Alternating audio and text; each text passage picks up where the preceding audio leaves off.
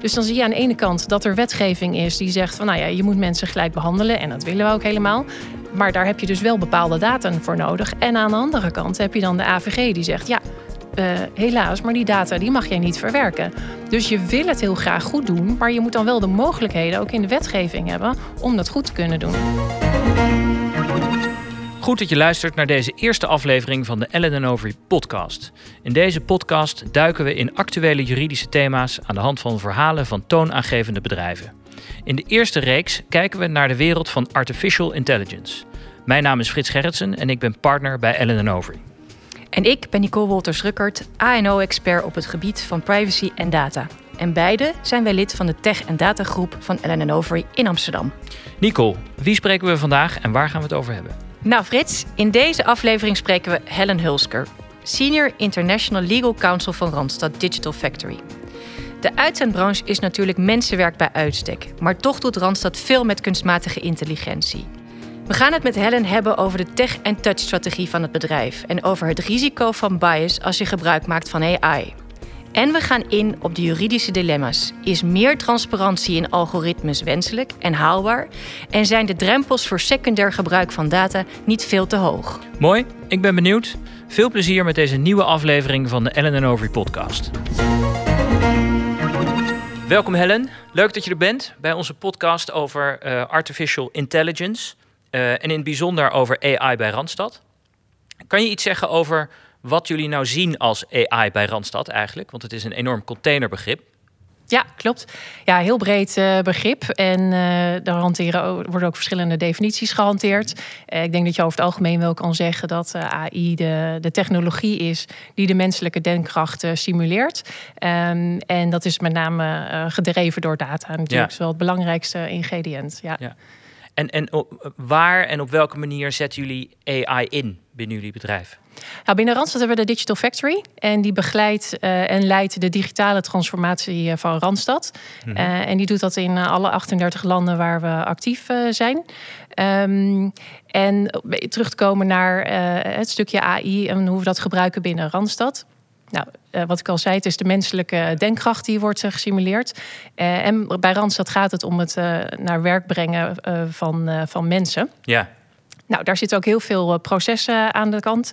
aan de ene kant hebben we natuurlijk de klanten en aan de andere kant hebben we talent en de werkzoekenden. Mm -hmm. um, dat zijn allemaal HR-processen van hoe zoek je talent, hoe selecteer je die. Um, nou, de intercedent is daar natuurlijk de centrale rol in. Ja. Uh, maar al die taken, die, daar kunnen ze in ondersteund worden door AI en HR Tech. en dat is zeker waar wij gebruik van maken binnen Randstad. En het is dus ook echt zo dat die technologie al binnen de onderneming nu wordt toegepast door jullie? In de processen zelf? Ja, HR-tech uh, zeker. Ja, uh, we bestaan al 60 jaar en uh, voorheen was dat de ouderwetse kaartenbak. Maar ondertussen is het zeker ook voor de interstudenten gelukkig wordt er goed gebruik gemaakt en wordt hun werk ook steeds leuker met het gebruik van technologie. En met name ook om hun ook vrij te maken voor waar die menselijke kant nou ook echt voor nodig is. Ja. Dus heel veel, ja, wat je vaak ziet dat AI gebruikt wordt, hè, of HR-tech, voor de hele manuele, repetitieve taken. Ja. Uh, dat is natuurlijk ook niet het meest leuke van, uh, van een baan. Uh, maar straks is het natuurlijk fijn als je wordt vrijgespeeld, zodat je in ieder geval wel, als je een interview doet, dat je in ieder geval de goede, goede gesprekken kan voeren en dan juist die menselijke kant kan toepassen. Kun je, je zegt manu, die, die manuele, repetitieve taken. Als ik een werkzoekende, hoe kan ik AI tegenkomen als ik op de website kom van Randstad of langs het kantoor ga? Hoe, hoe passen jullie dat toe? Ja, ja hele leuke vraag. Uh, en heel belangrijk ook om uh, juist ook vanuit de kant van de werkzoekende uh, te kijken. Um, want het zoeken naar een baan, het, het, krijgen van aanbevelingen, maar ook gewoon je cv ergens achterlaten en, en kijken van wat, wat is er voor mij mogelijk. Je wil dat ook dat dat zo gemakkelijk mogelijk gaat. en daar kan technologie ook zeker juist de werkzoekende bij, bij helpen. Interessant. Want dan, ja, zeker. Want dan zou je misschien denken dat op termijn uh, een aantal rollen binnen Randstad zou gaan ver verdwijnen misschien wel en door AI worden overgenomen. Bijvoorbeeld de rol van de intercedent die je net uh, noemde. Ja, dat voorzien wij niet, zeker niet. Um, uh, een paar jaar geleden hebben wij de Tag-and-Touch-strategie uh, gelanceerd. En, uh, en die, die geldt nog steeds heel erg. En ik vind het een hele goede strategie ook. En die zorgt er eigenlijk voor dat je de juiste balans uh, maakt tussen het gebruik van technologie aan de ene kant, zodat je de menselijke touch, de human touch, dat je daar zoveel mogelijk uh, op de juiste momenten gebruik van maakt. Dus juist die kracht van die intercedent, um, die komt het beste naar voren als die maar zoveel mogelijk wordt vrijgemaakt van alle dingen uh, die je beter vaak ook door technologie kan laten mm -hmm. doen, zodat je het gewone gesprek of het voeren van kijken of iemand een echte klik heeft of de match, dat ja. is toch mensenwerk en dat is gewoon niet te vervangen door technologie. Dus, dus als je dan kijkt hoe jullie uh, AI inzetten binnen Randstad, moet ik dat dan zien als het, het dat het een volgende, de volgende tool is binnen jullie bedrijf? Hè? Zoals toen de computer kwam, gingen jullie natuurlijk met computers werken. Of is het echt een fundamentele verandering in, in hoe jullie je bedrijf hebben ingericht? Nee, ik. Um het, het HR-proces, of het zoeken van, van uh, een baan voor iemand, dat is niet in één toeltje te vatten. Mm -hmm. En uh, daar zit een heel proces in. Dat zit natuurlijk al, begint bijvoorbeeld al bij het schrijven van de juiste advertentieteksten. Uh, welke klanten of welke kandidaten ga je zoeken. Uh, vervolgens, uh, wat voor pre-screening ga je doen met die mensen. Um, uh, wat voor testen of assessments moeten zij doen. je plant interviews met ze in. ook om de gesprekken bij de klanten te laten voeren. je evalueert daarna. Dus dat is een heel breed proces. En dat is niet in één, één stukje technologie te vatten. En je hebt altijd weer dus daar die, die intercedent. Die is de centrale factor daarin. Ja. En die wordt dus ondersteund door al die, in al die verschillende stukjes processen uh, uh, met de technologie. Even uh, daarop inhakend, wanneer wordt, worden jullie nou als juridische afdeling betrokken bij het inzetten van, dat, van die AI-processen? Is dat, zoals met klassiek altijd was, die 5 voor 12? Um, teken even af en we willen verder. Of is dat door de Digital Factory helemaal aan het begin? Hoe, hoe doen jullie dat? Ja, nou, hele leuke vraag. Hè? De rol van de bedrijfsjurist is zeker ook interessant uh, daarin. En uh, ik werk dus voor de Digital Factory. En ik vind het juist heel erg leuk dat ik al vanaf het begin af aan uh, betrokken ben. En dat is soms ook een uitdaging, want je weet soms ook nog niet precies wat, wat eigenlijk je eigen juridische eisen daarin zijn. Of wat de benodigdheden zijn. het juridische landschap is ook niet altijd even duidelijk. Maar het is heel fijn om al van tevoren erbij betrokken te zijn. En dan krijg je toch een beetje het legal by design, uh, compliance by uh, design. Um, maar dat, ver, ja, dat vereist wel ook goed, uh, goed meedenken. Ja. Leuk ook, lijkt me dat als bedrijfsjurist. En om daar aan het, ja, aan het wezen van, of aan het, de wieg van AI-initiatieven te staan. Ja, zeker. Um, jij had het net al over die skills en over die tool. Want ja, je ziet wel steeds meer regelgeving. Um, hoe kijk jij daarnaar? Want ja, we komen van een regelloos internet. En we gaan nu steeds maar naar een regelgevend internet en, en, en technologie. Hoe, hoe, volg jij die ontwikkelingen? Um, ja, dat is interessant. Want sommige dingen zijn nog helemaal niet geregeld. Hè. We komen straks even op een ander uh, leuk stukje over uh, de nieuwe AI-regelgeving die, uh, die we aanzien komen. Um, maar als je bijvoorbeeld kijkt naar het risico van bias. Hè, en, en we willen allemaal diverse en inclusive zijn. Dat klinkt allemaal heel nieuw en heel hip en trendy. Maar voor alle juristen, die zijn al decennia lang bekend met de gelijke behandelingswetgeving. Je mag niet discrimineren. En of je nu een mens bent of je bent een chatbot discrimineren is niet toegestaan. Dus in die zin is het niks nieuws. Het enige is dat de technologie er wel voor zorgt dat je daar op een nieuwe manier naar moet kijken. En hoe ga je dan inderdaad ervoor zorgen dat die technologie niet discrimineert? En dat geeft mm -hmm. nieuwe uitdagingen, maar in die zin is het juridisch kader wel hetzelfde. Ja, precies. En hoe doen jullie dat binnen Randstad? Dat je naar kijkt en of zeggen jullie ook van ja, we zijn daar nog de markt aan het volgen. We zijn ook aan het zoeken. Hè. We hebben het straks over uh, het nieuwe regelgevend kader... of de Regulation for a European Approach of AI... zoals het heel mooi nu wordt genoemd. Um, hoe, hoe kijken jullie daar naar? Van ja, hoe, Zit dat in de Digital Factory? Zit dat in de, de tech- en touch-strategie?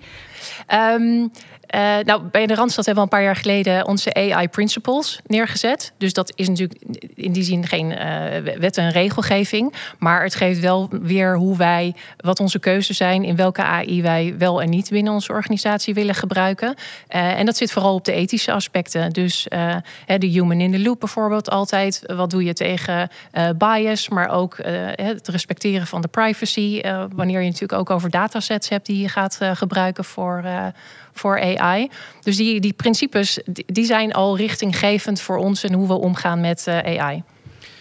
Je noemt nu al een paar keer bias. Uh, en als je het hebt over uh, gelijke behandeling, dan denk ik dat onze luisteraars dat uh, meteen begrijpen wat dat is. Maar wat is nou eigenlijk dat dilemma met bias en artificial intelligence? Ja. Nou, één belangrijk ding allereerst is dat niet alle bias fout is.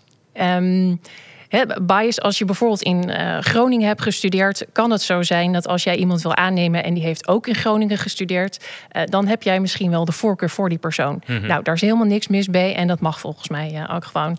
Het wordt natuurlijk interessanter op het moment dat er bias is die uh, discriminerend is. Dus die bepaalde uh, bevolkingsgroepen of andere uh, jong, oud, noem maar op, dat daar een onderscheid in wordt gemaakt. Mm -hmm. Nou, bias zit in mensen. Ja. Uh, helaas natuurlijk, als dat natuurlijk discriminerend is. Maar uh, het, is niet zo dat bias alleen maar in artificial intelligence zit. Als je AI toepast, um, dat wordt altijd getraind op datasets. Mm -hmm. En uh, in de datasets die je hebt, daar kan bias in zitten. Dus dat is vaak het verband dat al wordt gelegd. Hè. Dus aan de ene kant in de datasets die je gebruikt voor het trainen van een model. Dan vervolgens het model zelf. Hè, wie is de ontwikkelaar daarvan? Uh, en aan welke knoppen kan je draaien? Uh, dat is natuurlijk het bekende voorbeeld dat altijd uh, de witte mannen van een bepaalde leeftijd de modellen hebben ontwikkeld. En ja. nou ja, is daar voldoende ook rekening gehouden um, met. zit er dus inderdaad geen bias in het model zelf. Nou, en je hebt natuurlijk nog aan de achterkant de output van een model daar kan ook bias uitkomen. En dan kan je misschien nog een hele mooie dataset hebben. Je kan een hele diverse, inclusieve uh, development team hebben. En nog steeds kan er aan de achterkant output zijn als resultaat, die misschien wel onbedoeld uh, bias tot effect heeft. Dus dan dat is ook weer een moment waar je moet kijken van, nou ja, discrimineert het model. Ik heb daar wel een vraag over, want uh, we hebben het over bias. En ik merk dan altijd bij mezelf dat ik met mijn Nederlandse bril kijk. Um, maar dat is ook heel divers hoe daar over geoordeeld wordt wereldwijd. Wat doen jullie daarmee? Omdat natuurlijk de Digital Factory is wereldwijd. Um, sturen jullie daarop dat het een typisch nou ja, Europees, misschien wel Nederlandse of breder? Of hoe wordt er in Azië of in Amerika? En speelt dat een rol bij de AI-ontwikkelingen? Ja, dat zie je zeker. Um, bijvoorbeeld ook als je kijkt naar uh, Amerika. Uh, die hebben een soort guideline, de Fourth Fifth Rule. Uh, dus dat is een soort norm die toch wel wordt gehanteerd. dat als een model in ieder geval vier van de vijf of de 80% haalt, dat niet discrimineert, dan wordt er over het algemeen aangenomen dat het model in ieder geval in orde is. Dus dan is er een soort norm. Dan kan je nog steeds zeggen, is het dan toegestaan dat het voor 20% wel discrimineert? Maar daar is in ieder geval bijvoorbeeld wel een norm en dan, daar kan je dan inderdaad iets mee. Nou ja, dat hebben we nog niet uh, bijvoorbeeld in Nederland. Daar zou je het moeten doen met de, de gelijke behandelingswetgeving. Dus elk land heeft wel zijn eigen wetgeving. En de rol van de AVG is daar natuurlijk ook echt uh, ontzettend van belang. Uh, want dat bepaalt heel erg wat voor data je natuurlijk hebt en waar je data voor mag gebruiken. En in de US is dat natuurlijk anders. Ook al is die trend daar natuurlijk ook met op het gebied van privacy en nieuwe wetgeving lopen ze daar achter ons aan. um, maar daar, de, wetgeving verschilt zeker uh, per, per land of per regio. En dat heeft een effect, ja. Voelen jullie de AVG of de GDPR in breed Europa aan als een keurslijf? Of is het ook wel een welkom framework om toch tegenaan te leggen van oké, we moeten niet ongebreidelde gegevensverzamelingen gaan doen. We moeten wel kijken naar noodzakelijkheid. Uh, het is goed dat we een grondslag moeten hebben voor die verwerkingen. Hoe, hoe ervaren jullie dat? Nee, het respecteren van de privacy van mensen uh, is essentieel. Uh, en dat, dat onderschrijven wij ook helemaal. Maar als je dat vertaalt naar hoe, hoe, hoe past dit nu binnen AI? En als je dan even het bruggetje weer terugmaakt naar, naar bias, waar we het net over hadden.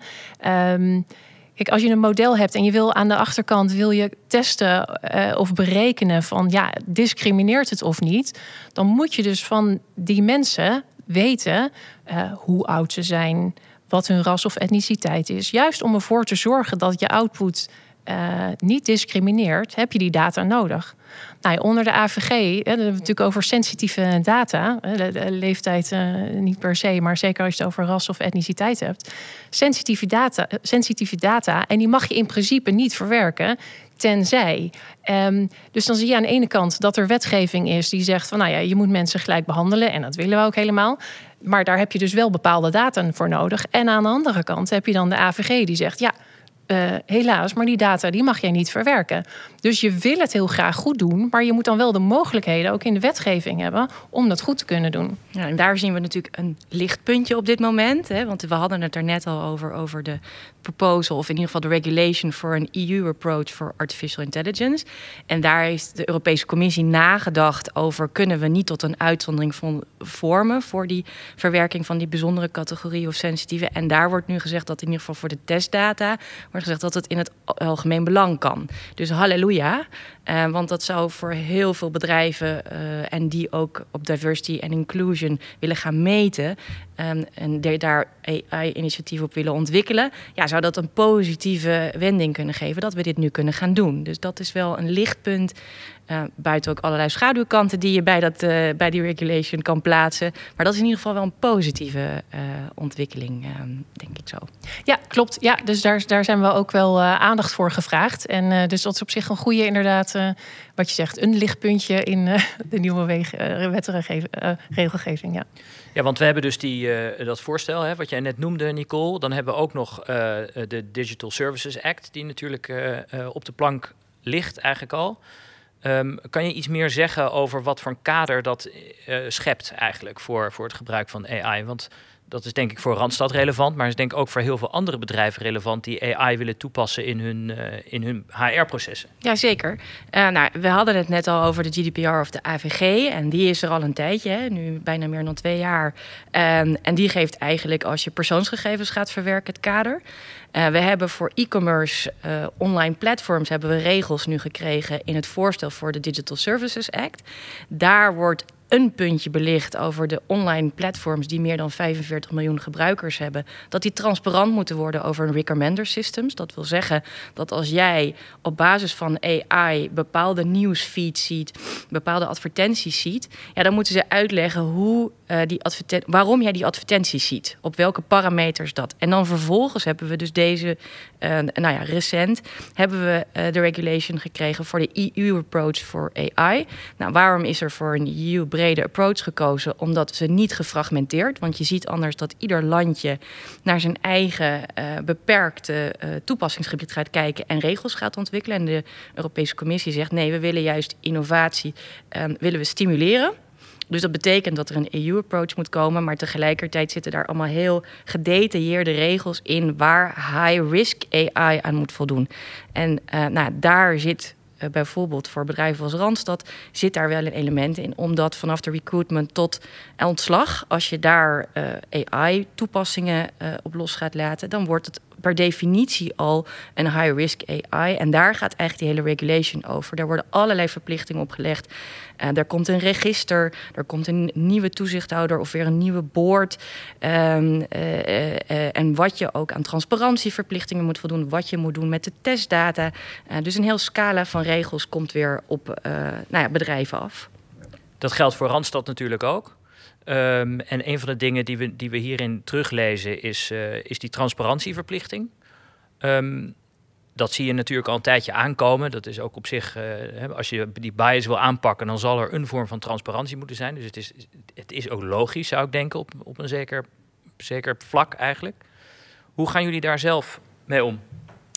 Ja, transparantie. Er is niks mis met transparantie natuurlijk. En uh, ik denk dat niemand ook, zeker niet als je het goed wil doen, wil je dit natuurlijk ook helemaal niet verborgen houden. Um, maar we moeten ook natuurlijk wel denken aan waar zit die werkzoekende nou precies op te, op te wachten. En um, moet je dan een heel algoritme uit gaan leggen. Uh, en, en krijgen we dan van die hele lappe tekst die uiteindelijk waar niemand naar kijkt. Hè? Bijvoorbeeld een, een privacy notice. Uh, ook hartstikke goed en, en belangrijk dat het er is uh, en, en, essentieel. Maar uh, ik vraag me ook wel af hoeveel mensen nou uiteindelijk ook echt zo'n privacy notice uh, bekijken en of het ook echt wel waardevol is. Dus ik, het is zeker belangrijk uh, en het is goed dat het er is. Maar er moet wel echt ook even nagedacht worden van waar, waar zijn de werkzoekenden of de mensen of de werknemers, waar zitten die nou echt op te wachten? Zitten die wachten op zo'n hele lappe tekst? Ik snap best dat je graag inzicht wil hebben over waarom je wel of niet geselecteerd bent. Um, Uh, en dat wil je inzichtelijk hebben. En, en voor ons ook om dan vervolgens het gesprek te, uh, aan te gaan met... ja, als dat niet wat voor je is, is dat misschien dan wat voor je? Dus wij hebben er zelf ook baat bij om modellen goed te begrijpen... Hè, om, om mensen daar weer verder mee uh, naar werk te kunnen helpen. Maar ja, het is wel echt van waar zit een werkzoekende zelf op te wachten? En, en zijn die hiermee geholpen? Dat is wel een vraag. Daar misschien even op inhakend. Hebben we natuurlijk recent ook in Amsterdam hebben we voor de rechtbank Amsterdam de Uberzaak gehad. Waarin AI nou net uh, aan de orde was. Waar een paar chauffeurs die niet meer voor Uber mochten werken, zich afvroegen: hey, op basis waarvan is besloten dat ik niet meer mag werken? Iedereen kent bij die Uber-chauffeurs die kastjes. Nou, daar wordt artificial intelligence van gebruikt. En in die zaak voor de juristen die luisteren over de nitty-gritty details, ging het over de geautomatiseerde besluitvorming. Was nou het feit dat vermoed wordt dat een chauffeur fraude had gepleegd en daardoor tijdelijk was geschorst, was dat een geautomatiseerd besluit wat tot rechtsgevolg leidde of aanmerkelijke mate trof? Nou, daarvan zei de rechtbank: nee, dat is niet zo. Um, maar um, het was wel een profiling, dus er werd wel geprofileerd. En de chauffeurs hebben recht om te weten op basis van welke criteria dat besluit is genomen. En dat is wel nieuw, uh, want we weten in de AVG dat er wordt gezegd: je moet ja, de onderliggende logica uitleggen van AI. Maar wat is dat dan? En dat maakt deze uitspraak wel interessant, uh, denk ik, voor de hele markt. Van ja, er wordt in ieder geval gezegd: leg uit hoe je tot een besluit komt. Um, dus dat nog even ter aanvulling bij dat transparantie. En dat we toch enige guidance nu krijgen van in ieder geval één rechtbank in Nederland. Want ik kan me voorstellen, dus dit is natuurlijk regelgeving die uh, daaraan zit te komen. Uh, ik kan me voorstellen dat uh, heel veel marktpartijen daar nu mee aan de slag gaan. En gaan kijken wat, daar, wat er goed van is of wat ze daar graag anders aan zouden willen zien. Maar als je kijkt naar jullie huidige situatie, daar is natuurlijk een regelgevend kader op dit moment. Je ziet wat wetgeving aan de horizon opdoemen. Wat doen jullie nu eigenlijk om die bias te kunnen ja, bestrijden of, of te reguleren of, of zeg maar goed te behandelen? Ja, ja, je kijkt natuurlijk in eerste instantie naar uh, je dataset, uh, wat ik net al aangaf. Uh, het gaat daarnaast om ook als je bepaalde AI gebruikt, dat je ook voor zorgt hè, met de leverancier of als je het zelf ontwikkelt, dat je ook echt daar goede afspraken over maakt. met hoe monitor je de, hoe monitor je de bias. -hmm. in, voor Europa is nog onduidelijk van welke norm je daar dan precies voor moet hanteren. Want 100% bias uitsluiten is ook niet haalbaar. Dat, dat, dat is ook wel algemeen uh, Uh, maar we hebben ook niet zo'n norm als in Amerika, zoals bijvoorbeeld die Fourth Fifth Rule. en aan de achterkant natuurlijk. maar goed, kijk, je zet AI aan de ene kant in, maar wij hebben natuurlijk ook altijd nog wel weer die intercedent. Dus er kunnen aanbevelingen komen van: hey, dit zouden misschien interessante vacatures zijn voor deze mensen. Het is uiteindelijk altijd wel weer de intercedent die besluit van: oké, okay, nou, ik ga eens inderdaad met die in gesprek en ik ga die functies voorstellen. Dus we hebben altijd wel weer de de, menselijke uh, factor daarin. Ja. ja. want er is geloof ik wel een voorbeeld uit Frankrijk, hè, waarbij die beslissing fishing beslissing werd overgelaten aan artificial intelligence en waar toen ook een, een zaak over is geweest. Ja, wat, wat altijd wel heel interessant is, uh, is het stukje over geautomatiseerde besluitvorming. Ja. En uh, je, je, kan bijvoorbeeld ook een chatbot gebruiken. Mm -hmm. uh, zeker voor de wat eenvoudigere processen ook. of iemand bijvoorbeeld een, een, afspraak wil inplannen voor een interview met een intercedent. daar kan je bellen en mailen en het kost heel veel tijd. Vaak vinden werkzoekenden het ook heel fijn om daar gewoon een chatbot voor te gebruiken. En dat je automatisch gewoon in de agenda uh, iets, uh, iets daarvoor in kan plannen. Um, maar chatbots kan je ook bijvoorbeeld inzetten voor ja, de eerste uh, selectievragen. Um, uh, voor een, een, een, een, chauffeur ben je 18 en heb je een rijbewijs. Dat zijn uh, ja, uh, harde functie-eisen, ja. zou ik maar zeggen. Die zeggen. zijn erg objectief en niet subjectief en ook niet aan, aan bias gevoelig, lijkt me. dat soort vragen, of een zorgmedewerker of die BIG geregistreerd is, dat soort pre-screening vragen is heel handig als je dat met een chatbot kan doen. En dat is ook weer voor de werkzoekende ook weer fijn, want die kan op een, met zo'n chatbot communiceren op het moment dat het hem of haar uitkomt. Dus je bent niet gebonden aan het telefoongesprek met iemand, maar het is ook gewoon voor het gemak van, uh, van de werkzoekende. Maar kan dat, kan dat nou gebruikt worden? Hè? Want dat heb ik mezelf afgevraagd uh, bij het lezen ook van hè, dit nieuwe voorstel. Um, uh, en we weten ook de zaak in Frankrijk waar de kniel daar kritisch in ieder geval over is, over dat soort knock-out vragen. Um, maar ook in het licht van de nieuwe tekst denk ik, ja, kan het nou nog wel? Want het lijkt mij super logisch dat je dit soort uh, zeer standaard vragen. Uh, maar hoe, hoe kijken jullie daar dan naar en hoe maak je ook de afweging?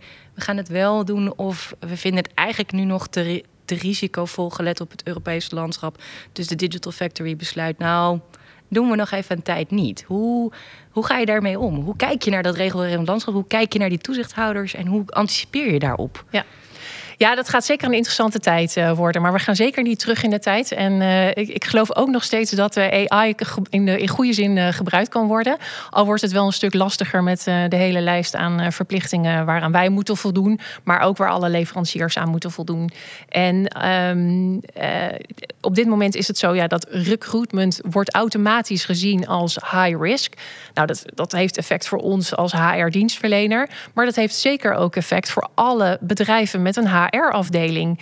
En uh, ik denk dat iedereen wel bekend is met dat op sommige vacatures uh, soms wel honderden re reacties binnenkomen.